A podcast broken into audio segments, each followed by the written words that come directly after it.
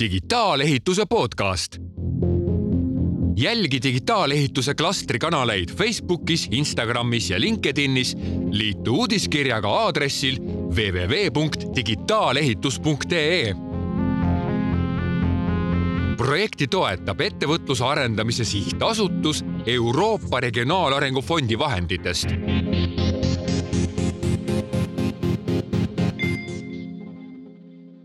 Tere tulemast äh, esimesse digitaalehituse klastri podcasti, mis on äh, osa seeriast ja mis on ellu kutsutud siis äh, tänu sihukesele organisatsioonile nagu digitaalehituse klaster. ja täna räägime me üldse sellest, et mis asi see ja mis loom see digitaalehitus üldse on. missugune elukas on digitaalehituse klaster organisatsioonina, kes on need inimesed selle taga. ja räägime ka sellest, et mida head siis see klaster meile teeb ja, ja mida digitaalehitusest kui sellisest üldse kasu on mina olen Jaan Saar, mina olen Majandus- ja Kommunikatsiooniministeeriumi digitaalehituse valdkonna juht jälle see sõna digitaalehitus, millest võib-olla kuulajad veel ei tea, aga loodetavasti saavad varsti teada. ja minuga koos siin stuudios on kolm väga vahvat inimest veel. Ja teeme alguses, äh, saame kõik tuttavaks omavahel ja ma annaks siis kordamööda sõna, alustades Helemaist, räägi endast natuke tere, mina olen Hele-Mai Metsal, igapäevaselt töötan Tallinna Sadamas arendusosakonna juhatajana ja olen ka digitaalehituse klastris juhatuse liige tere tulemast saatesse, Hele-Mai. ja sinu kõrval äh, istub kohe äh, üks teine tuntud klastri liige. Äh, klastri liikmed juba teavad teda häälest kohe ära. aga Tiit, ütle enda poolt ka paar sõna.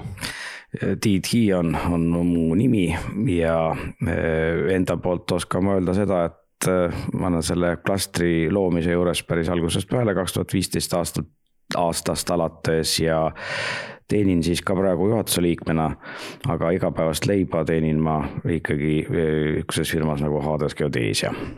Ja siin minu paremal käel selles Ubase stuudios istub Kaia, tere Kaia. tere, tere. Kaia Kirs on minu nimi äh,, olen klastri asutaja liige nüüd siis teist korda juhatuses ja igane, igapäevane elu möödub mul IT vallas. ehk siis äh, püüame lükata ja tõmmata, et äh, IT äh, ehitusvaldkonda jõuaks ja eriti just kinnisvara korrashoiu poolde. Et juba üle kahekümne aasta olen ma IT-lahendusi pakkunud kinnisvara korrashoiu valdkonda ja firma nimi on Reminet. Ja tundub, et meil on siin sihuke mõnus äh, kooslus erinevatest äh, ähm, nii-öelda sellest äh, ehitusahela osapooltest, et siis alustades arendajast, Hellemai kui Tallinna Sadam, üks suuremaid kinnisvaraomanikke Eestis tegelikult ja, ja Kaia, kes siis nii-öelda selle teise otsa pealt äh, vaatab siis, kuidas hallata ja, ja kõike seda kinnisvara siis korras hoida. ja Tiit on seal siis täitsa, ma saan aru, Hades äh, rohkem nagu töömaa peal, et äh, mõõdate, vaatate, et kõik saaks korralikult tehtud, et kas sai enam-vähem kokku võetud nii? nojah, et Äh, siis Heremai ja Kaia vahel olen, esindan mina seda musta kasti, kus mitte keegi midagi ei tea, mis, mis toimub, aga lõpuks ikkagi need majad valmis on ja, ja, ja inimesed elavad ja töötavad nendes jaa, no aga proovime natuke selle musta kasti sisse vaadata. et kuna teemaks ikkagi on selline asi nagu digitaalehitus siis eh, noh, kuna ma selle valdkonnaga ka kokku puutun ja, ja selle peal juba töötanud olen päris mitu head aastat, siis eh, ikka ja jälle pean ma seletama inimestele, kes küsivad, et aga mis, mis asi see on, et kas sa teed mingit tarkvara või? et ehitad seal mingit koodi, siis ma ikka pean seletama, et ei, ei, et see on ikka nagu ehitusvaldkond, et noh, majad, teed ja infrastruktuur ja kõik see, et. et see ehitatud keskkond, mis meid ümbritseb, aga et püüame, püüaks seda nagu kuidagi äh, paremini ja tõhusamalt teha, et ähm, aga enda jaoks ma olen defineerinud selle, selle digitaalehituse kui, kui tegelikult äh, infohaldus, et see on, tuleneb jällegi mõelda info kommunikatsioonitehnoloogia, siis mis asi see IT muud ei olegi, kui lihtsalt aitab meil paremini infot äh, äh, süstematiseerida, kättesaadavaks teha äh,, selgitada erinevatele osapooltele, kiiremini liigutada ja nii edasi ja, ja ma arvan, et see digitaalehitus äh, püüabki sedasama teha tegelikult ehituses, aga noh, see on, see on minu sihuke äh, rangelt subjektiivne nägemus, et ma küsikski võib-olla nüüd siin alustades Tiit sinust, et, et sa oled digitaalehitusega ka väga palju juba tegelenud oma karjääri jooksul, et kuidas sina seda defineeriksid? Noh, mina siin jah, musta kasti mängu tõin ja kuidas mina seda defineeriksin, jah, nii palju, kui on defineerijaid, nii palju on ilmselt ka definitsioone.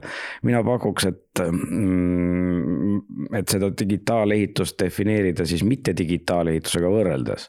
et mitte digitaalehitus on see, nagu meil praegu enamasti see käib, ehk siis äh, mis asi on ehitus, minu arhitektist sõber ütleb, et see on korrapäraselt ladustatud ehitusmaterjal ja seda ehitusmaterjali ladustatakse siis mingisuguste dokumentide peal või dokumendid, mis kannavad siis mingisugust informatsiooni, selle peal ladustatakse see materjal siis kuidagi nagu kokku.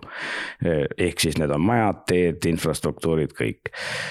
digitaalehitus on minu hinnangul mitte siis nüüd dokumentide põhjal, vaid andmete ja andmete kokku pandud informatsiooni põhjal, mis on masinloetav, äh, kokku pandud mitte siis ainult äh, korrapärane mm, ehitusmaterjal, vaid terviklik elukeskkond. minu arvates on see digitaalehitus. see oli päris hästi äh, kokku võetud, sa oled selle küsimuse peale varem ka mõelnud, mulle tundub, Tiit jah, ma olen pidanud ka oma headele sõpradele, kes töötavad äh, näiteks IT vallas äh, ka nii nagu sinu omadki küsivad, aga mida te seal digitaliseerite, et, et seal ei ole ju midagi digitaliseerida ja ausalt öeldes, ega see väga lihtne ei ole selgitada. aga kuna see ei ole nii lihtne ja ma tean, et Kaia, sulle meeldivad rasked küsimused, siis äh, kuidas sina oma sõnadega defineeriksid selle digitaalehituse kui sellise? No põhimõtteliselt Tiit pani ilusasti raamid paika ja ma rõhutaks võib-olla seda, et äh, mina oma elus olen näinud, et kinnisvara haldust ja hooldust ehk siis kinnisvara korrashoidu nagu üldiselt ehituse äh, valdkonna osana ei, silmas ei peeta. ehk et minu jaoks on hästi oluline rõhutada seda, et digitaalehitus liigutab andmeid ehitise elukaare üleselt ehk siis nagu sa siin enne ütlesid ka, alustades tellijast äh, ja planeerijast, lõpetades äh, korrashoidjaga ja lõpuks, kui see hoone või rajatis äh, enam kedagi ei teeni, siis lammutamiseni välja. et need erinevad etapid sellel elukaarel elavad täna täiesti erinevat elu ja need andmed kaovad nende osapoolte vahel ära neid tuleb uuesti sisestada, neid tuleb uuesti leida, otsida, nad ei ole tegelikult ühtselt äh, süstematiseeritud ja struktureeritud, nii et nad kõigile kogu aeg kasutamiseks kõlbaksid ja, ja väärtust annaksid, et äh, kogu see digitaalehitus minu meelest on hästi palju seotud andmetega ja nende kasutamisega erinevate osapoolte jaoks aga kas sa oled rahul sellega, et seda äh, kasutatakse väljendina või just seostatakse ehitusega kui sellisega või ehitusprotsessina, et noh, ma natuke tabasin sinu äh, kommentaaris sihukest väikest pettumust ka või pettumuse nooti, et seda kinnisvara korrashoidu nagu justkui ei loeta osaks ehituseks, aga samas see on ju see, mille, mida kõik ehitised vajavad peale seda, kui nad on valmis ja, ja nende eluaeg ju kestab palju kauem kui nende ehitusperiood. Äh vastupidi, ma tegelikult olen hästi lootusrikas. ses suhtes, et äh, me oleme siiamaani olnud, äh, nagu ma ütlesin, erinevate kuskil erinevates silodes, ütleme. Äh, ja on ju ka aru saada, et need andmed, mis tulevad ehitusest, neid ilma nii-öelda kohendamata ja ümber struktureerimata haldusesse lihtsalt mehaaniliselt tõsta pole võimalik. see tuleb ikkagi läbi mõtestada ja äh, see, et me oleme nüüd kokku saanud erinevad osapooled ehitise äh, nii-öelda ajaloos või, või elukaarel, see on väga-väga hea, et mina tavaliselt ütlen oma äh, sõpradele ja kaaslastele, kellele ma pean selgitama, mida ma teen, et minu elus ei ole kunagi nii põnevat aega olnud kui praegu. et kuidas erinevad ehitise äh, valmimise ja hooldamise, haldamise osapooled saavad koostööd teha ja kui palju sellest tegelikult kasu tõuseb. väga hästi öeldud, Kaia, et mul on hea meel, et ikkagi lootust rohkem kui pettumust, et äh, paratamatult ehitusvaldkonnaga kokkupuutes äh, mõni päev ei ole võib-olla nii äh, särav kui teine. kõik, kes ehitusprotsessis osalevad ja on, on maja ehitanud, oskavad vast sellega sümpatiseerida. aga, aga vaatasime just või kuulasime Kaia seisukohta ja, ja väga head kokkuvõtted sellest nii-öelda mm, viimasest otsast või nendest ehitiste nagu elust, kui nad on valmis saanud, aga nüüd siis on hea jälle hüpata sinna algusesse tagasi, kust kõik pihta hakkab, ehk siis tellijast ja, ja arendajast ja Helemaid. mis siis digitaalehitus ühe, ühe Eesti, võiks öelda, et eeskujulikuma avaliku sektori tellija silmis on? see on hea küsimus tegelikult on ta õppimise protsess hästi. et ähm, tellija mõistes äh, viis aastat tagasi või tegelikult juba kuus aastat tagasi, kui ma hakkasin selle valdkonnaga tegelema, oli teadmine null. ja see nii-öelda tiigrihüpe on toimunud päris ruttu.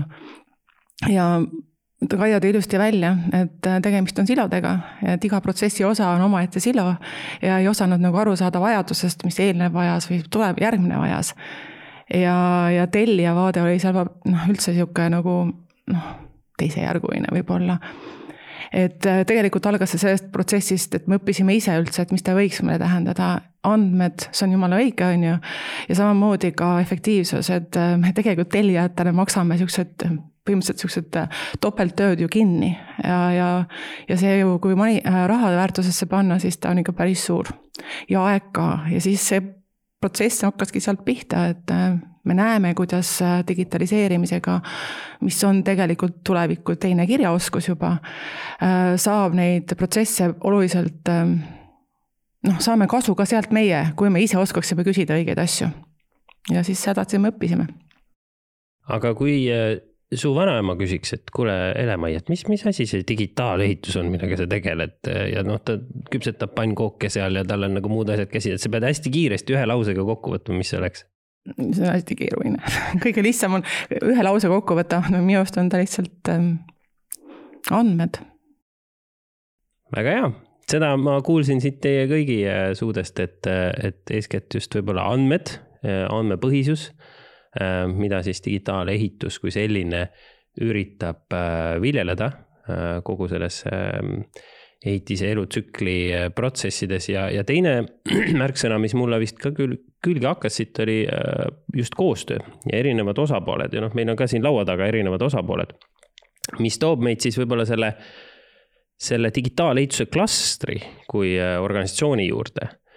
et ähm, küsiks võib-olla jälle, Tiit, alguses sinult, et sina olid vist päris selle klastri sünniloo juures, et räägi natuke meile, mis asi see digitaalehituse klaster siis on ja kuidas ta sündis? sünni juures olin ma tõepoolest, mm, sündis ta selliselt, et tollel ajal oli meil vist majandusministeerium, mitte majandus- ja kommunikatsiooni, nagu ta aasta oli siis kaks tuhat neliteist minu arvates, äh, kuskil sügisel. ma olin sellel ajal äh, Eesti Geodeetide Ühingu liige, noh ka kui üks institutsioon, mis esindab mingisugust eriala ja igale poole siis majandusministeerium saatis laiali sellised kutsed, et vot hakkame niisugust asja tegema ja siis kogunes äh, vanalinna Harju tänavale, Harju tänaval vist oli ikka jah, kogunes kokku no üle saja inimese ja, ja majandusministeeriumi inimesed siis äh, selgitasid, et et, vot, et see ehitusvaldkond on üsna maha jäänud, eks seal tsiteeriti ilmselt ka McKinsey't ja, ja niisuguseid asju. ja et oleks vaja hakata tegema, noh, liigutama, oleks vaja arenguhüpet teha ja, ja see oligi jah, huvitaval kombel, et see tuli tegelikult riigi poolt ma ei tea täpselt, mis motiivid seal taga olid, mis poliitikad, aga nii see igal juhul eh, juhtus. ja me käisime seal koos päris mitmeid eh, kordi, tegime seal koos mingisuguseid harjutusi juba, siis olidki erinevad osapooled, iga kord muide jäi ikkagi neid inimesi vähemaks ka, kes sinna, kes sinna kohale tulid. Ja lõpuks siis, kui me olime piisavalt koos igasuguseid harjutusi teinud, igasuguseid asju arutanud, noh, oma muresid üksteisele kurtnud ja, ja mõelnud, kuidasmoodi asjad võiksid olla, siis äh, ministeeriumi inimesed ütlesid, no nii, aga nüüd tehke siis oma see organisatsioon ära ja, ja, ja ega meie ei, ei hakka teid siin nagu kokku kutsuma ja, ja karjatama. Ja see võttis meil ikkagi peaaegu aasta aega aega, enne kuni me oma, oma põhimõtted ja põhikirjad ja oma projektid kirjutasime Äh, noh, sellisele kujul, et neid oli siis võimalik see mittetulundusühing registreerida ja, ja projekt esitada siis hindamiseks, et kas see võiks, võiks teenida siis ka seda rahastust.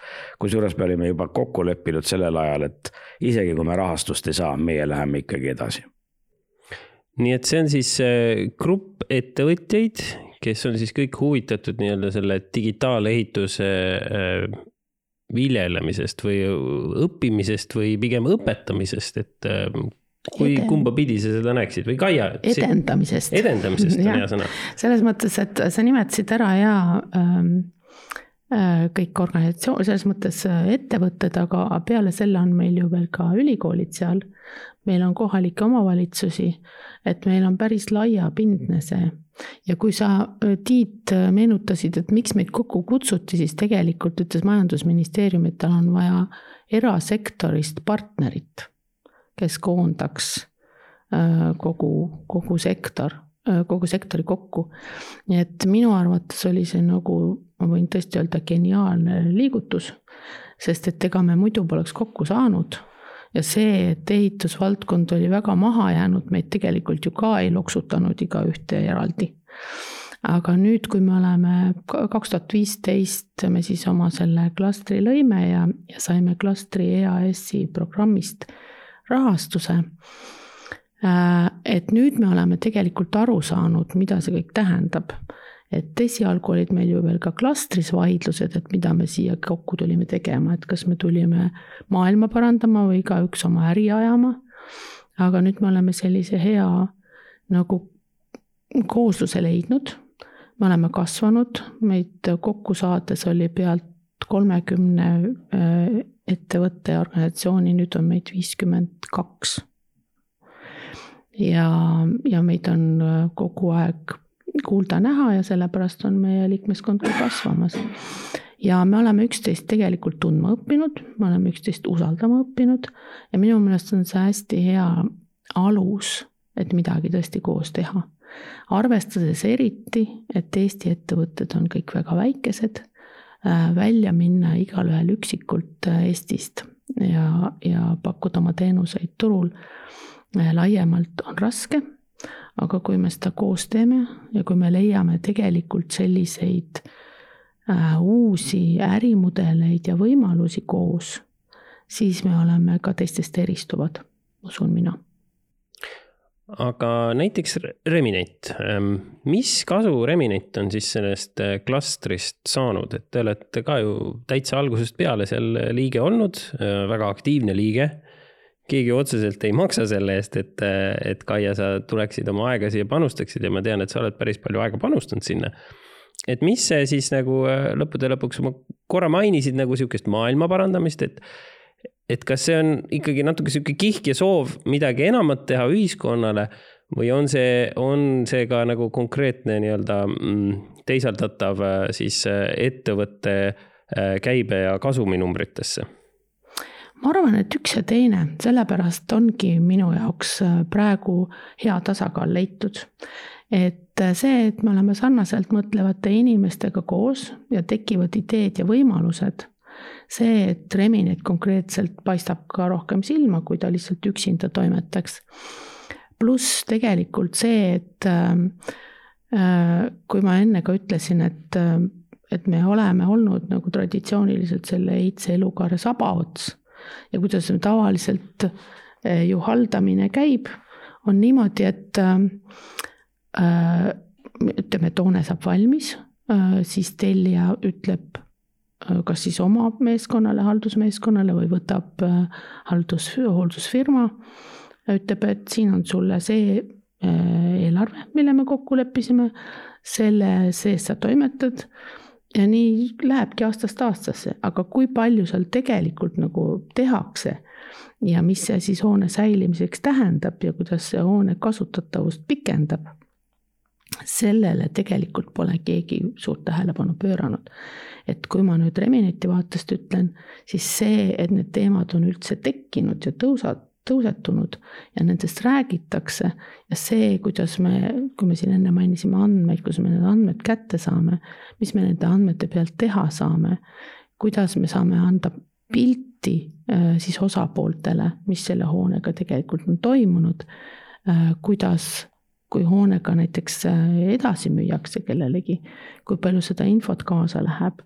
et ma ikka tavatsen öelda seda, et me ostame auto ja me eeldame, et autol on kõik dokumendid kaasas, hooldusraamat ka, mis temaga juhtunud on vahepeal. Äh, aga hoonel me seda millegipärast äh, nagu ei, ei praktiseeri, see on küll seaduses kirjas, aga me ei ole, see ei ole nagu praktika. Ja kui me võrdleme investeeringut autosse ja investeeringut hoonesse ja kui pikk pikka aega me üht või teist kasutame, siis on see minu jaoks väga suur küsimärk, miks me sinnamaani ei ole jõudnud tegelikkuses. Selle, selle teema juurde tuleme kindlasti veel tagasi, aga ma tahaks ennem küsida Helemailt ka, et see digitaalehituse klaster kui selline, et, et siin kas maailma parandaja või, või käibe parandaja, et kumb ta siis äh, Tallinna Sadamale on? miks teie liitusite digitaalehituse klastriga? viies juuli kaks tuhat seitseteist kirjutasid viis ettevõtet koos ministeeriumiga alla ehituse digitaliseerimise deklaratsioonile.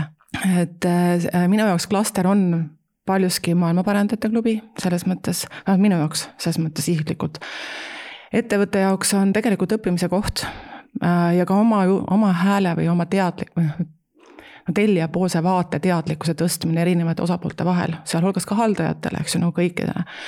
tõesti, me oleme kõige su üks suur ütleme, arendusettevõte ja omanik, sealhulgas siis mitte ainult hoonete omanik, vaid ka infra. et me oleme omavahel rääkinud täiesti, et me oma, omame põhimõtteliselt kogu spektrit, välja arvatud lennuväli, ühesõnaga sadam kui selline. kõik need asjad pole isegi kõigis seadusandluse punktides kaetudki, on ju, et mida me kõik haldame ja loomulikult seal on sihukest tihedat Browni liikumist ka sees, on ju, et aga noh, keeruline on seda hallata ja omada andmeid üle kolmekümne aasta, eks ju, või kui rohkemgi juba veel. Et äh, kui me klastrisse astusime, siis me astusime sinna selleks, et õppida ja oma häält kuuldavaks teha, et teada saada, et äh, miks see on nii, et tellija maksab iga jumala etapi eest topelt raha juurde, eks ju, digitaliseerimise eest täiendavalt, kui ma seda küsima hakkan. ja samas need andmed meieni nagu kuidagimoodi ei jõua või me ei oska nendega midagi teha. et äh, see oli nagu puhas niisugune egoistlik soov seal olla, eks ju kas ta on meile nüüd rahast tagasi toonud? Ähm, kindlasti on mingil moel, aga mitte niimoodi, et me kohe oskaks seda hinnata, et äh, suure tõenäosusega see aeg, kus me neid vilju korjame, alles on ees. aga mis on nagu ülioluline, on see äh, selles nii-öelda klubis, on see, et tegelikult me mõistame üksteist palju paremini, erinevaid osapooli selles väärtusahelas, sest meie tellijana oleme ju algusest lõpuni omanikuna oleme algusest lõpuni, lihtsalt vahepeal käivad erinevad et-, ettevõtted ja tegelased erinevas etapis seal tegemas. ja siis, ja me oleme selle portsu otsas edasi põhimõtteliselt, on ju. et äh, selleks, et seda andmestikku erinevates ähm, objektide hästi hallata, me peame kõigepealt aru saama, mida me tahame hallata, sada protsenti ja seda me oleme õppinud, eks ju, ja ma loodan, et ka teised õppinud. mina olen ise ka paljudele ettevõtetele ettevõtetele soovitanud just äh, klastriga liituda. Mm, paljuski samadel äh, põhjustel, mis te siin kõik välja tõite, et noh, et, et ta toob kokku nagu erinevad osapooled äh, üle selle ehitise elukaare jälle. Ja, ja pigem need osapooled, kes tahavad midagi teha võib-olla paremini, nad tahavad midagi uuenduslikumalt teha, nad näevad, et midagi kuskil ikkagi lonkab, et. Ja, ja, ja üksi seda teha on, on maru raske ja, ja üha rohkem ja rohkem ma olen ka näinud siin ähm, selle, selle ligi viie aasta jooksul, kus ma siin MKM-is töötanud olen, et, äh, et tekib ka siukseid äh, uusi startup'e meie valdkonnas, ka ehitusvaldkonnas. ja, ja kust need startup'id siis äh, leiavadki oma võib-olla esimesed kliendid, oma esimese nii-öelda turu valideerimise, siis mina olen alati öelnud ka, et see on, see on digitaalehituse klaster, on see grupp, kus sa saad kõige kiiremini Äh, nende inimesteni, kes, kes oskavad sulle seda sisukat tagasisidet anda, eriti mis puudutab võib-olla seda tehnoloogilist poolt ähm, ehituses ja, ja, ja nii, nii ka projekteerimises äh, kui ka tellija vaates ja, ja siis kinnisvarahalduses. aga vaataks võib-olla veel kord ähm, selle, selle kasu peale sellest äh, digitaalehitusest, et äh, osad väidavad ja, ja võib-olla üldse mitte valesti, et noh, et digitaliseerimine kui selline ja noh, digitaalehitus, et see on ju ikkagi lõppude lõpuks ainult ähm, üks, üks vahend, et, et me ei peaks võib-olla selle digitaliseerimisele üldse keskenduma, et et ähm, mis sa, mis sa neile ütleksid, Tiit, kes ütlevad, et noh, et digitaalehitus, et pff, see, see on ainult pisike osa ja miks te üldse sellega nagu tegelete, et miks te ei tegele nagu päris probleemidega ehituses, et et kas, kas sa näed, et on nagu päris probleemid ja, ja see digitaliseerimine on justkui sihuke, sihuke pseudoprobleem või, või on nad nagu rohkem omavahel seotud? no kõik asjad on omavahel seotud ja, ja ka, kui me siin jälle meenutame seda aastat kaks tuhat neliteist, kaks tuhat viisteist, siis me tegelikult noh, ka mm, noh, ütleme siis ullikesed, nagu me sellel hetkel olime, me hakkasime noh, digitaliseerima või noh, sellega tegelema. me ise ei teadnud noh, sellel hetkel üldse jah, mitte midagi.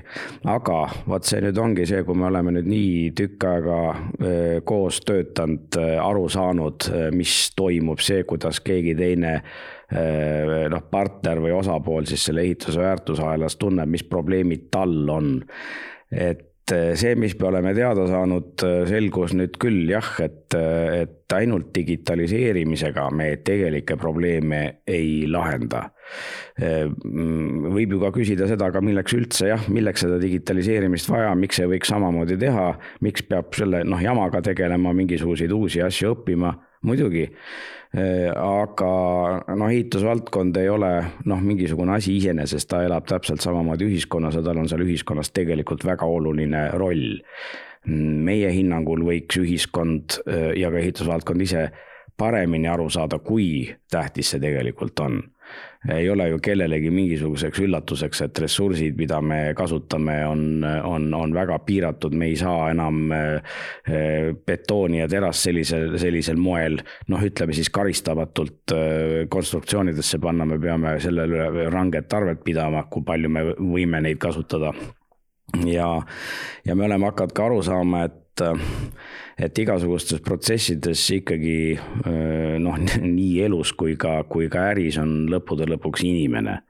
ja, ja inimene mitte kui lihtsalt ressurss, vaid, vaid et nendega tuleb hakata ka tegelema, nende, neid tuleb õppida ka juhtima, mida mm, tuleb tunnistada, et ehitusvaldkonnas meil on ikka veel päris pikk õppe, õppetöö ees, et kui me sellega ei tegele, siis inimesed lähevad äh, ehitusvaldkonnas sellistesse valdkondadesse, kus nendega osatakse ringi käia, kus neil on lihtsalt meeldivam töökeskkond.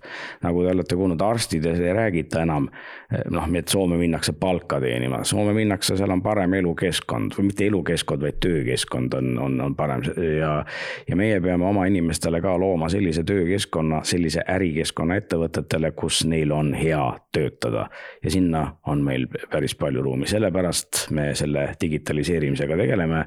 et, et andmed, jälle see sõna, need peavad olema üheselt arusaadavad, võimalikult palju masinloetavad, et inimesed ei peaks kangutama oma ajusid ja neid tõlgendama.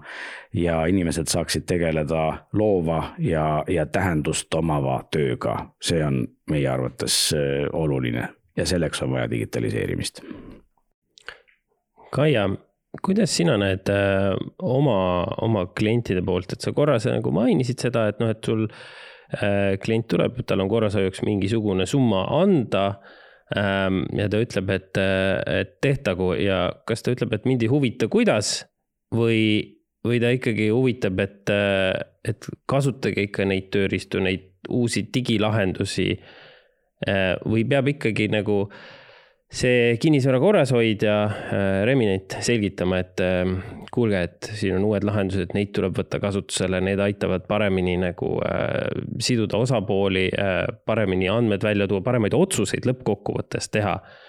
et kuidas sa näed seda nagu oma klientide poole pealt, et kas see nagu teadvus on jõudnud sinna või nad ikkagi äh, ei hooli sellest ja, ja mõtlevad, et ah, oluline, et äh, lambipirn saab vahetatud ja, ja tead, sein õigel ajal värvitud ja nii edasi. et, et kuidas te teete, et see mind ei huvita? Noh, see on, see mind ei huvita, on selline traditsiooniline lähenemine, nagu ma kirjeldasin ja nagu sa praegu üks ka refereerisid. Mida ma ütlen, on see, et kogu see, ütleme, meie klastritegevus, aga ka üleüldine foon ja taust, kuidas tehnoloogia on järjest tulnud kõikidesse eluvaldkondadesse ja ehitusvaldkond, kaasa arvatud kinnisvara korrashoiu valdkond ei ole mingi erand et äh, me lihtsalt äh, peame nende uute väljakutsetega toime tulema. Äh, ja selleks on erinevad digitööriistad. Aga see tehnoloogia üksinda ei tee ju midagi, nagu sa isegi ütlesid, eks, et milleks seda vaja on, et klient, kes meie juurde tuleb, tal on mingi vajadus. ja tavaliselt on see vajadus äh, täpselt nendest samadest andmetest Äh, aru saada ja neid kuidagipidi oma äris kasutada. et no ma toon lihtsalt sellise näite, et äh, mul on hoone. Äh, täna ütleme, kuidas see asi tavaliselt käib, on keegi seda haldab, kas siis korrashoiuettevõte või mu oma meeskond. ma loodan, et kõik asjad saavad tehtud, mis peavad tehtud saama. aga kindel ma ei või olla, sellepärast et mul ei ole piisavalt ülevaadet. et kui nüüd me mõtleme sellele, et äh, Elemai tellib hoone, siis on seal, äh, need andmed tuleksid juba ehitusest ja kogu sellest eelnevast äh, ka ehitise rajamise eelnevast perioodist äh, haldusesse äh, ja Elemail tellijana võiks olla ülevaade, mis selle majaga üldse teha tuleb ja tema siis saab otsustada, mis tasemel ta tahab seda teha. noh, näiteks piltlikult seal on võib-olla teenusepakett A, B ja C ja ta ise saab otsustada, millist ta valib. aga tal peab olema kindlasti arusaamine, milliseid seadmeid näiteks tuleb millise tihedusega äh, hooldada. ja tal peab olema kindel veendumus, et see on ka tehtud. ta peab saama seda kontrollida täna on meil ju nii, me räägime ka digihaldusest sarkastilises võtmes. et digihaldus sarkastilises võtmes on see, et, et tegelikult on asi tehtud tarkvaras, pandud linnuk õigesse kohta, aga kas keegi kohal ka on käinud ja päriselt selle asja ära teinud, seda tuleb kontrollida. ehk et inimesed on alati leidlikumad kui tehnoloogia mulle meeldib, kuidas see pall nagu põrkab siin laua taga äh, just korrashoidjalt äh, tellijale ja siis sinna musta kasti vahepeal. ja, ja nüüd äh, nagu sa, Kaia, ütlesid, et tellija on ju see, kes ikkagi peaks aru saama sellest, et kuidas kuidas seda paremat töö- ja elukeskkonda luua ja, ja olla väga huvitatud ja motiveeritud sellest. ja mul on tunne, et Tallinna Sadam on sellest küll aru saanud Äh, sellest mul absoluutselt kahtlustki, eriti kui Helemaiga räägid. Äh, aga mis siis nagu praktiliselt Helemai on, on muutunud, ütleme, et see kaks tuhat viisteist või kaks tuhat seitseteist, millal, millal Tallinna Sadam äh, nii-öelda selle klubiga liitus. Mm, täna on kaks tuhat kakskümmend kolm aasta, sellest on möödas kuus pluss aastat, on ju ähm, kas sa näed, et äh, asjad organisatsioonis on siis nüüd juba radikaalselt muutunud, teistsuguseid, äh, teete andmepõhiseid otsuseid ja, ja kõik äh, projekteeritakse, ehitatakse nii-öelda infomudelis, mida siis sujuvalt kinnisvara halduses te ise ja, ja teie võib-olla partnerid kasutavad, et siis kõik need seadmed, kaid, filtrid, asjad saaks hooldatud ja parandatud. Pisikeste sammukestega. Väga väikeste sammustega asi, asi edeneb, eks ju.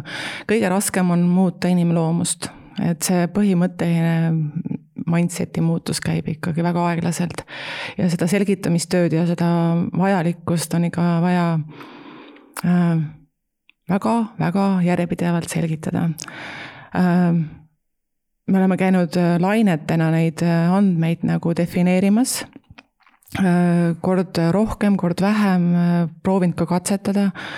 Et meie jaoks oli suur läbimurre see, et Sadam ise töötas siis välja enda jaoks äh, need infonõuded mis mudelitesse peaks mudelprojekteerimisel lisanduma, just sealtpoolt vaadates, et mis halduses vaja on. et selle nõuete väljatöötamisel me ikka lähtu-, lähtusime juba sõna otseses mõttes koristaja tasandilt. Äh, mis on nagu takistuseks olnud siiamaani nende andmete kasutamisel, on see, et tegelikult meil sellist universaalset, head, kõigile sobivat tarkvara veel ei ole et meil on niisugused väiksed jupikesed, on ju. ja paraku ei ole ka need ähm, andmed, mis on üle tulnud niimoodi, et need oleks masinloetavad olnud, et ikkagi niisugust väikest käsitööd on ka, mis loomulikult ei kergenda selle asja juurutamist ettevõttes. et selles mõttes ma ütlen, et see on nagu teadlikkuse tõstmine ja vajaduse tõstmine ja samas ka nagu natuke nagu mõtteviisi muutmise tõstmine ka ikka, et ähm, nüüd tänasega ma võin öelda, et osatakse neid väärtusi juba hinnata, mis sealt tulevad. osatakse neid nõuda, kuigi meil ei ole veel seda valitud tarkvara, kuhu neid panna. et äh, selles mõttes me oleme suure sammu edasi liikunud ähm, mida nähakse seal alati, iga, igasuguse muutuse juures nähakse seda, et see on mugavustsoonist välja tulemine, et siiamaani ma olen saanud, nüüd ma pean mingeid täiendavaid liigutusi tegema, sellepärast sai neid andmeid hallata seal. et seda arusaamist, sellega tuleb tööd teha ja väga palju ja väga põhjalikult.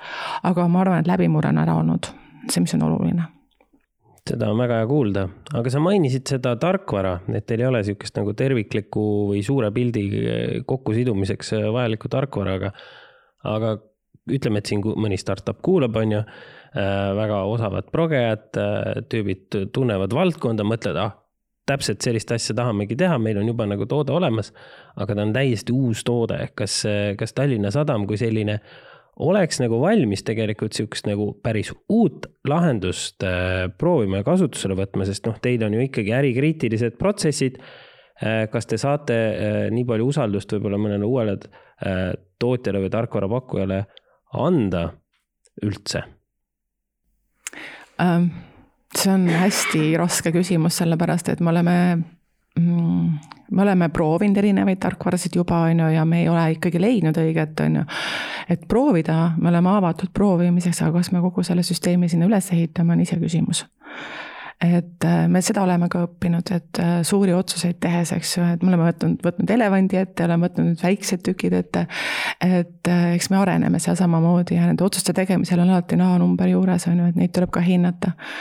et see on protsess selles mõttes, aga alati me oleme valmis pilootima, kui mine, mine tea, on ju oleme õppinud nii palju oma, tegelikult me oleme digitaliseerinud oma põhivarasid juba aastast kaks tuhat kaksteist ja vahepeal kaks korda ka nii-öelda seda tarkvara vahetanud. oleme alustanud suurest, nüüd oleme väikeste jupikeste juures, mis tähendab seda, et eks me ka areneme, eks oma ettepane- ja nendega, oma kogemuste pealt. võib-olla pole see kõige nagu mõistlikum alati kogemuste pealt seda teha, aga kui paremat olemasolevat olukorda ei ole, siis on hea seegi. et jah, keeruline minule endale on jäänud mulje mitmete ettevõtete nii-öelda arengut vaadates, ka suuremate ettevõtete, mm, kes on üritanud leida sihukest äh, terviklikku lahendust või sihukest äh, one ring to rule them all, et et, äh, et tegelikult sellist asja ei olegi olemas, et me, see ehitusprotsess on üsna keeruline, on ju ja, ja lõppude lõpuks ähm, noh, eriti just tellijad, kellel on suur maht, kes haldavad kogu seda portfelli alates äh, nii-öelda esimesest ideekavandist kuni siis äh, selle musta õhufiltri vahetamiseni. et, et seal, seal ikkagi on nii palju erinevaid liikuvaid osi, et sa pead leidma endale nagu selle või tegema selle rätsepülikonna, et mis nagu töötab ja noh, seal jupid ikkagi sul on aeg-ajalt vaja vahetada. aga, aga siis muutubki oluliseks võib-olla mitte seesama tarkvara, vaid see, mil viisil äh, sa just neid andmeid süstematiseerid, mis standardeid sa kasutad, äh, mis, äh, kuidas sa klassifitseerid andmeid. et, et kas te olete ka Tallinna Sadamas selle järelduseni jõudnud? jah, läbi, läbi valusa kogemuse et, et sa mainisid, et needsamad äh, infonõuded äh, Äh, mis te välja töötasite. nüüd need on ikkagi ju liikunud edasi nagu siuksed ühtsesse BIM standardisse, mitte ainult ei ole Tallinna Sadama omad, on nii? ja, ja et tegelikult see ongi protsess ja see on hästi nagu tihe protsess olnud viimase viie aasta jooksul ja hästi palju muudatusi on tulnud ja järjest kiiremalt nad muutuvad et äh, ja teinekord on ka olnud ka meil nagu ettevõttesiseselt äh, nagu väike etteheide, et me oleme võib-olla ajast liiga ees oma soovidega, mis on ka võib-olla noh, õige, eks ju, mõnes mõttes. tahame liiga paljut, eks ju. et võtsime hoo maha nüüd jälle selles mõttes, et jaa, protsess on nüüd niimoodi olnud, et kui me oma infonõuded tegime sellepärast, et ei olnud neid tehtud kõikidele nendele objektidele, mida meie haldame, siis õnneks tuli kaasa siis see standardiseerimise grupp, kes siis tegi ühtsed BIM-nõuded, mis on, tuleb välja veel mõne koha pealt detailsemad kui meie omad.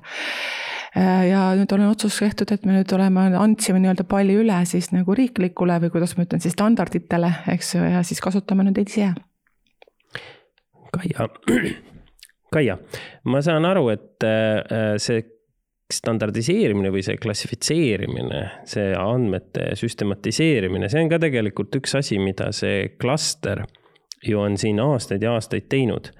Ja, ja koostöös just MKM-iga, äh, kus, kus me siis välja oleme töötanud või, või, või sobitanud või leidnud pigem äh, äh, Eesti ehitusvaldkonna jaoks ühtse klassifitseerimissüsteemi nimega CCI, mis on rahvusvaheline lühend siis Construction Classification International, mis on äh, vabalt äh, kasutatav, tasuta äh, klassifitseerimissüsteem, mis aitab siis üle jälle ehitise elukaare kõiki neid funktsioone ja, ja komponente süstematiseerida ma tean, et Kaia, sa oled ka palju olnud seotud selle, selle tegevusega, äkki sa võib-olla tooksid omalt poolt välja mõned need põhjused, miks, miks selle nii põneva ja seksika teemaga nagu klassifitseerimine äh, paratamatult tuleb tegeleda? Klassifitseerimist ma võrdleksin ehitise puhul äh, sellega, et äh, see on üks suur selline nähtamatu allhoovus et kui me hakkame ehitist tegema, siis ka me tegelikult neid torusid ja juhtmeid ja kõiki asju me lõpuks ei näe. Äh, meil on tegelikult see, mida, kus me igapäevaselt äh, nagu toimetame, on ju nii-öelda siseviimistlus, eks ju. aga ilma kogu selle infrata seal all ei toimu mitte midagi.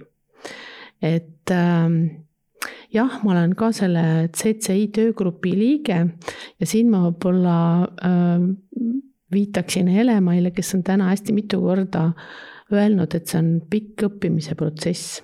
ja see tõesti on see õppimise protsess, et selles samas äh, töögrupis me oleme nüüd võtnud siis ühe Tallinna Sadama objekti, seda modelleerinud ja äh, neid konkreetseid selliseid Äh, elemente või objekte, mida igapäevaelus tuleb siis kuidagipidi äh, hooldada. Neid me oleme sinna äh, sellesse mudelisse pannud, sealt mudelis, selles mudelis nendele külge pannud neid CCI koode, arutanud, kuidas see peaks käima ja siis, kuidas see info nüüd nende koodide abil liiguks haldustarkvarasse Äh, mis siis selles haldustarkvaras teha saab igale näiteks õhupuhastussüsteemile või sprinklerile tuleb siis külge panna hooldusvälp või hooldusgraafik. ja sealt saab juba vaadata, kas siis seda graafikut on jälgitud ja kas asjad saavad tehtud. see on see, millele ma enne viitasin, aga hästi põnev on olnud minu arvates see, et kui me selle grupiga kokku saime siis meie esimene lähenemine oli, et noh, nüüd hakkame me kõiki õpetama, sest me ju teame, mis see CCI on ja nüüd me hakkame ka koolitusi tegema. ja siis me jõudsime sinnamaale välja, et oot-oot-oot, tegelikult me peame ise kõigepealt õppima. tegelikult me peame need asjad läbi katsetama.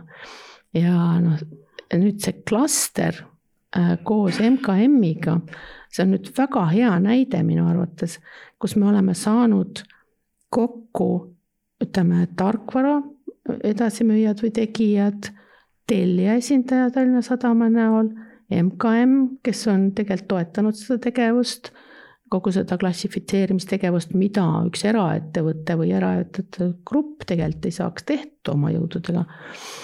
ja nüüd me oleme siis sinnamaale jõudnud, et me tegelikkuses paneme nagu praegu seda rada maha, millistel põhimõtetel äh, see protsess on kujundatud kuidas need andmed tegelikult peaksid liikuma, kui detaili me peaks minema, mida tegelikult vaja on ja mida ei ole nii väga vaja.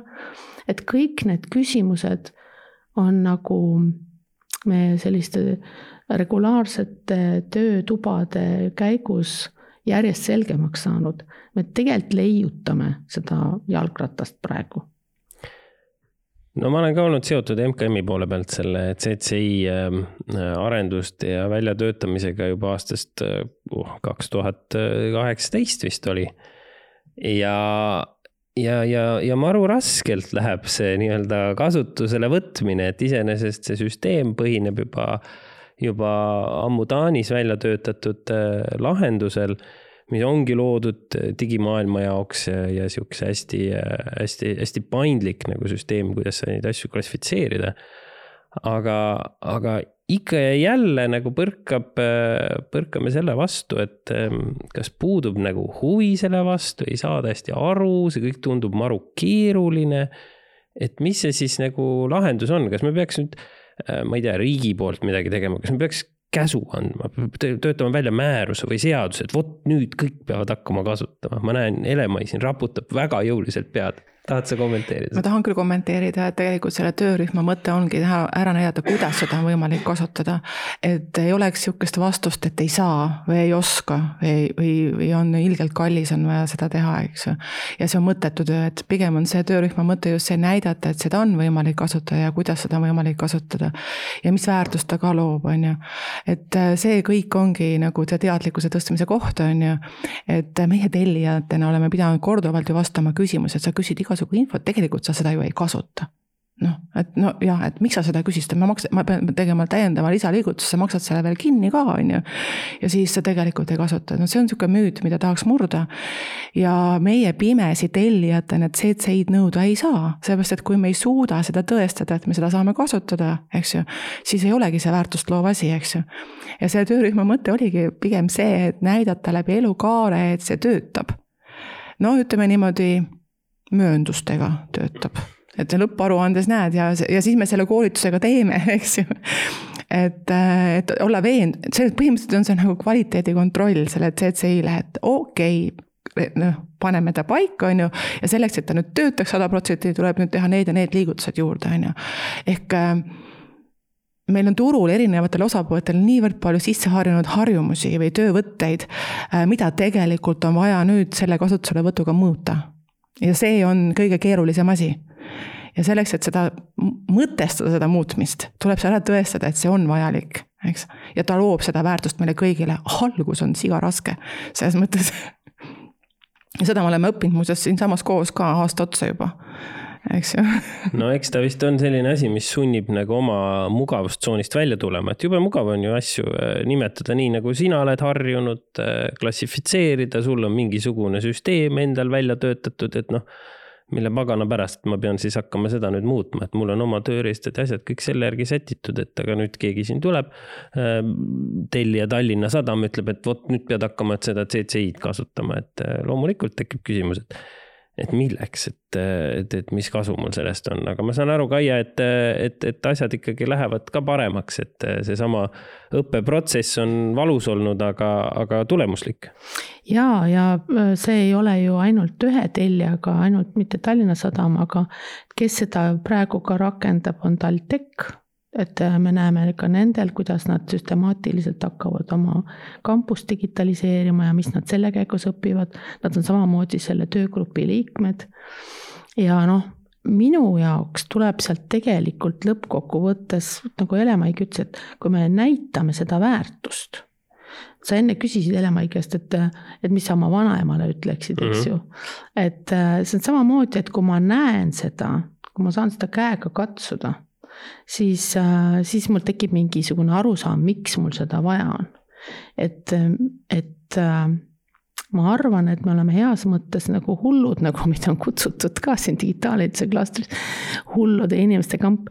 et äh, me tahame lõppkokkuvõttes teha asju niimoodi, et meil oleks sellel, sellest kõigil kasu, ega muidu piits, piits plaksumas ei aita midagi, präänik peab see ikka olema ja teisest küljest tahaks tegelikult, äh, et meil oleks mujal maailmas mingisugune konkurentsieelis.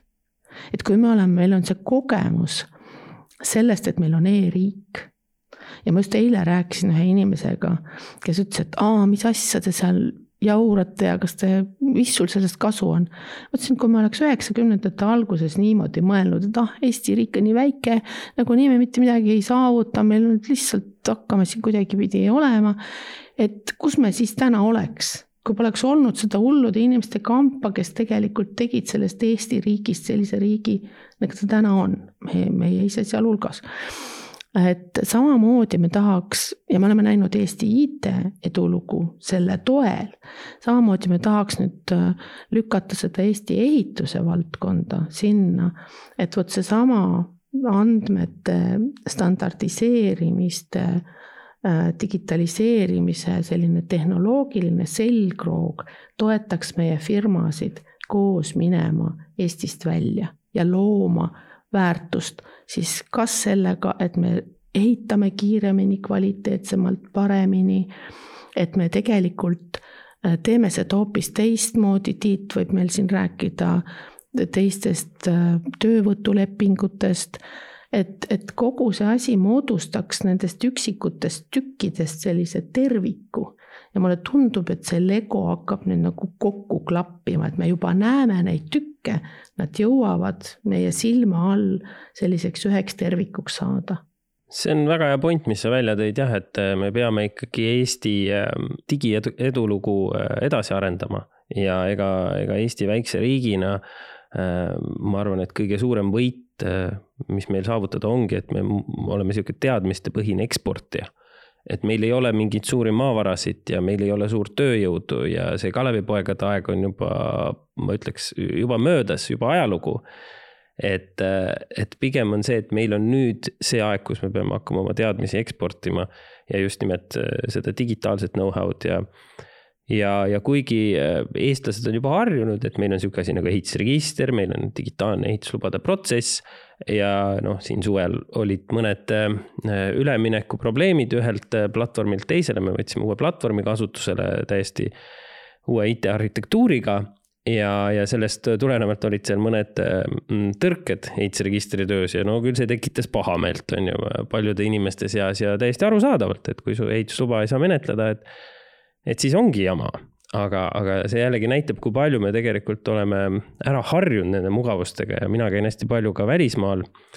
siin erinevate rahvusvaheliste organisatsioonidega seoses äh, Building Smart ja EU BIM Task Group ja Euroopa Komisjoniga äh, ajame neid asju ja, ja seesama CCI rahvusvaheline äh, nii-öelda koostöögrupp ja, ja, ja seal ikka, kui rääkida, et noh, et meil on üleriigiline keskne digitaalne ehituslubade menetlemise süsteem, meil on ehitusregister, kus kõik ehitiste andmed on, see on seotud äh, Maa-ameti andmebaasidega. meil on digitaalne kaksik, äh, terviklik 3D pilt kogu Eestist, äh, kus sa saad oma mudeleid panna, saad asju alla laadida ja nii edasi. et see on paljude riikide jaoks ikkagi täiesti ulme et juba see, et me nii-öelda suudame seda digitaalselt teha ja me oleme sellest etapist nagu mööda läinud ja, ja me lihtsalt Äh, püüame leida veel paremaid viise, äh, kuidas neid protsesse automatiseerida, ähm, kuidas äh, veel tõhusamalt asju teha. aga, aga me tihtipeale siin Eestis olles ei näe seda et, et seesama ekspordi aspekt on, on hästi-hästi oluline, ma, ma olen sellega täiesti nõus. aga, aga Tiit, ma saan aru, et mõned mõtted selle ekspordi osas just siin nüüd viimase aja sündmustega ja ja Ukraina ülesehitamisega äh, on, on ka klastriga äh, seotud olnud, et äh, äkki sa räägiksid natuke, kuidas, kuidas need mõtted ja ideed on, on sealt klastri ettevõtetest tulnud, et, et minna aidata Ukrainat? noh, see on nagu, nagu üks mantra nagunii kogu aeg, iga päev, et esiteks me kuuleme, näeme neid sõjauudiseid, teiseks on see, et, et me, me teame, et sinna lähevad noh, triljonid lõppkokkuvõttes raha. noh, raha on igasugune asi, mis paneb tegelikult inimesed mõtlema ja liigutama. Ma ei saa öelda, et mul oleks nagu head pilti kõikide klastri liikmete ja noh, ka siis mitte ainult klastri liikmete, meil on ju väga palju firmasid, kes ei ole otseselt klastris, aga on ikkagi ehitusvaldkond. ma päriselt seda ei tea. küll ma olen rääkinud noh, erinevate siis professionaalsete liitude nagu arhitektid, nagu ehitusettevõtted, nagu konsultatsiooniettevõtted, et nad on tegelikult väljendanud küll huvi huvi minna, aga võib-olla jah, nii palju, et digitaaliduse klastri eh, noh, siis nagu juhatuse tasandil on, on tehtud selline, eh, selline otsus, et, et me võiksime sinna minna aga me tahame seal mitte siis nüüd lihtsalt, et igaüks natukene seal saab sellest suurest rahast mingisuguse osa, vaid me tahame minna ikkagi päriselt sinna looma elukeskkonda, mida Ukraina väärib, mida nad ise veel ei pruugi isegi teada, noh, nad tegelevad sellega, et et, et üldse katus pea kohal oleks ja et, et, et koolis üldse lapsed saaks õppida, et valitsus saaks töötada, et nad tegelevad sellega. et ütleme, terrassilaua valimisega neil praegusel hetkel ei tegele ja meie tahaks jah, et, et esiteks luua sellist keskkonda, äh, mis oleks nagu tõeliselt äh, noh, nende jaoks, mis võiks tegelikult anda võimaluse Ukrainas saada kiiresti Euroopa üheks edumeelseimaks riigiks üldse, see võiks olla äh, noh, ka nende ambitsioon seal. meie igal juhul toetaks niisugust ambitsiooni ja ja äh, mida me saame siis nagu praktilisemalt, see on nagu ideede tasandil, mida me saame praktiliselt ära teha, on see, et jälle me räägime siin andmetest, jälle me räägime siin informatsioonist. meie ähm, mõte oleks see, et meie suudame kogu seda ehituse, noh, me räägime siin jälle väärtusahelast, äh, tagada selle, nende andmete siis liikuvuse, nende läbipaistvuse, et et, et need miljardid, mis sinna minema hakkavad, need, kes need miljardid maksavad, tegelikult nende mure on see, et, et see raha ei kaoks kuskile noh, ära jälle niimoodi, et noh, meil on seal neid näiteid igasuguseid. et meie oleme need, kes võivad äh, anda äh, siis nagu selge, oma andmete pealt selge informatsiooniga nendele rahastajatele, et, et vot teie iga euro või dollar on, on kulunud selle või tolle, tolle asja peale, et see on nagu meie mõte. ja ja, ja, ja seda mõtet me lähemegi siis tegelikult ka nüüd tõenäoliselt üheksateist kuni kakskümmend kaks ongi siis äh, Ukrainasse visiit ja klaster siis esimest korda äh, käib seal ka ära, et kuuleks ja näeks siis ka koha peal, kuidas nad arvavad, mida nad mõtlevad ilma, et me sel hetkel isegi oleks äh, noh, mingisugust, mingisugust terrassilauda pakkuda. küll aga seda ma tean, et, et, et andmete koha pealt üle elukaare oleme me no ma arvan, et ühed kõige kõvemad äh, tegijad võib-olla üldse. no ma tean, et äh, ka mõned klastri liikmed on iseseisvalt ka sellist algatust üles näidanud ja, ja, ja just äh, näiteks üks startup tehnoloogia, ehitustehnoloogia valdkonnas, Remato, ma tean, näeb seal võimalusi ja, ja mulle tundub ka, et noh et äh, vaatamata kõigele sellele halvale, mis on, mis on toimunud äh, ja, ja jubedustele äh, seal Ukrainas, on see jällegi võimalus seesama rahval nagu üles ehitada ja, ja võtta kasutusele uued nii-öelda äh, tööviisid ja meetodid ja, ja ma, mulle ikkagi tundub, et ka digitaalistuse klastril ja, ja, ja meie ehitussektoril on kindlasti väga palju pakkuda siin, et noh, ühest küljest muidugi ka see äh, puitmajade tehnoloogia, kõik see, aga, aga teisest küljest jällegi ka, ka seesama digitaalne know-how, et kuidas äh, asju algusest peale teha nii, et, et edaspidi oleks neid äh, lihtsam, tõhusam ja parem nii ehitada kui hallata sedasama ehitatud keskkonda. aga meie saateaeg hakkab vaikselt siin äh, otsa saama. Äh, võiks lobiseda ju siin veel tunde ja tunde, äh, mõnusad mugavad toolid on, väga lahedad vestluskaaslased. aga, aga selleks, et seda juttu võib-olla kokku tõmmata ähm, küsiks, küsiks igalt ühelt teist võib-olla sellise lõpetuseks, et, et mis oleks üleskutse või, või mida te kutsuksite neid ettevõtteid äh, tegema, äh, kes veel ei ole klastris, aga kes juhtumisi satuvad äkki seda, seda podcast'i kuulama äh, ja, ja võtaks võib-olla jälle kokku selle, et aga, aga miks nad peaksid nagu rohkem huvi tundma, miks nad peaksid äkki võib-olla klastriga ühendust võtma ja, ja ka tulema vaatama, et, et mida, mida need hullud, nagu sa, Kaia, nimetasid, mida need hullud teevad seal? Ma mõtlen seda, et äh, miks äh, mingi ettevõte äh, võiks tulla vaatama, mis me teeme, ta saaks üldse aru, ähm, mis raamis me liigume, mis see tulevik on, ma julgen täitsa kindlalt öelda, et see, millega meie tegeleme, on tulevik. loomulikult võib iga ettevõte proovida pusida ka üksinda, aga meie kogemus näitab selgelt seda, et koos on, on lihtsam ja koos me suudame saavutada sünergia, nii et tulge vaatama. aitäh, Kaia. Tiit, kuidas, mis oleks sinu üleskutse äh, nendele, kes meid kuulavad, ehitusvaldkonna äh, tegijatele? Miks tulla klastrisse?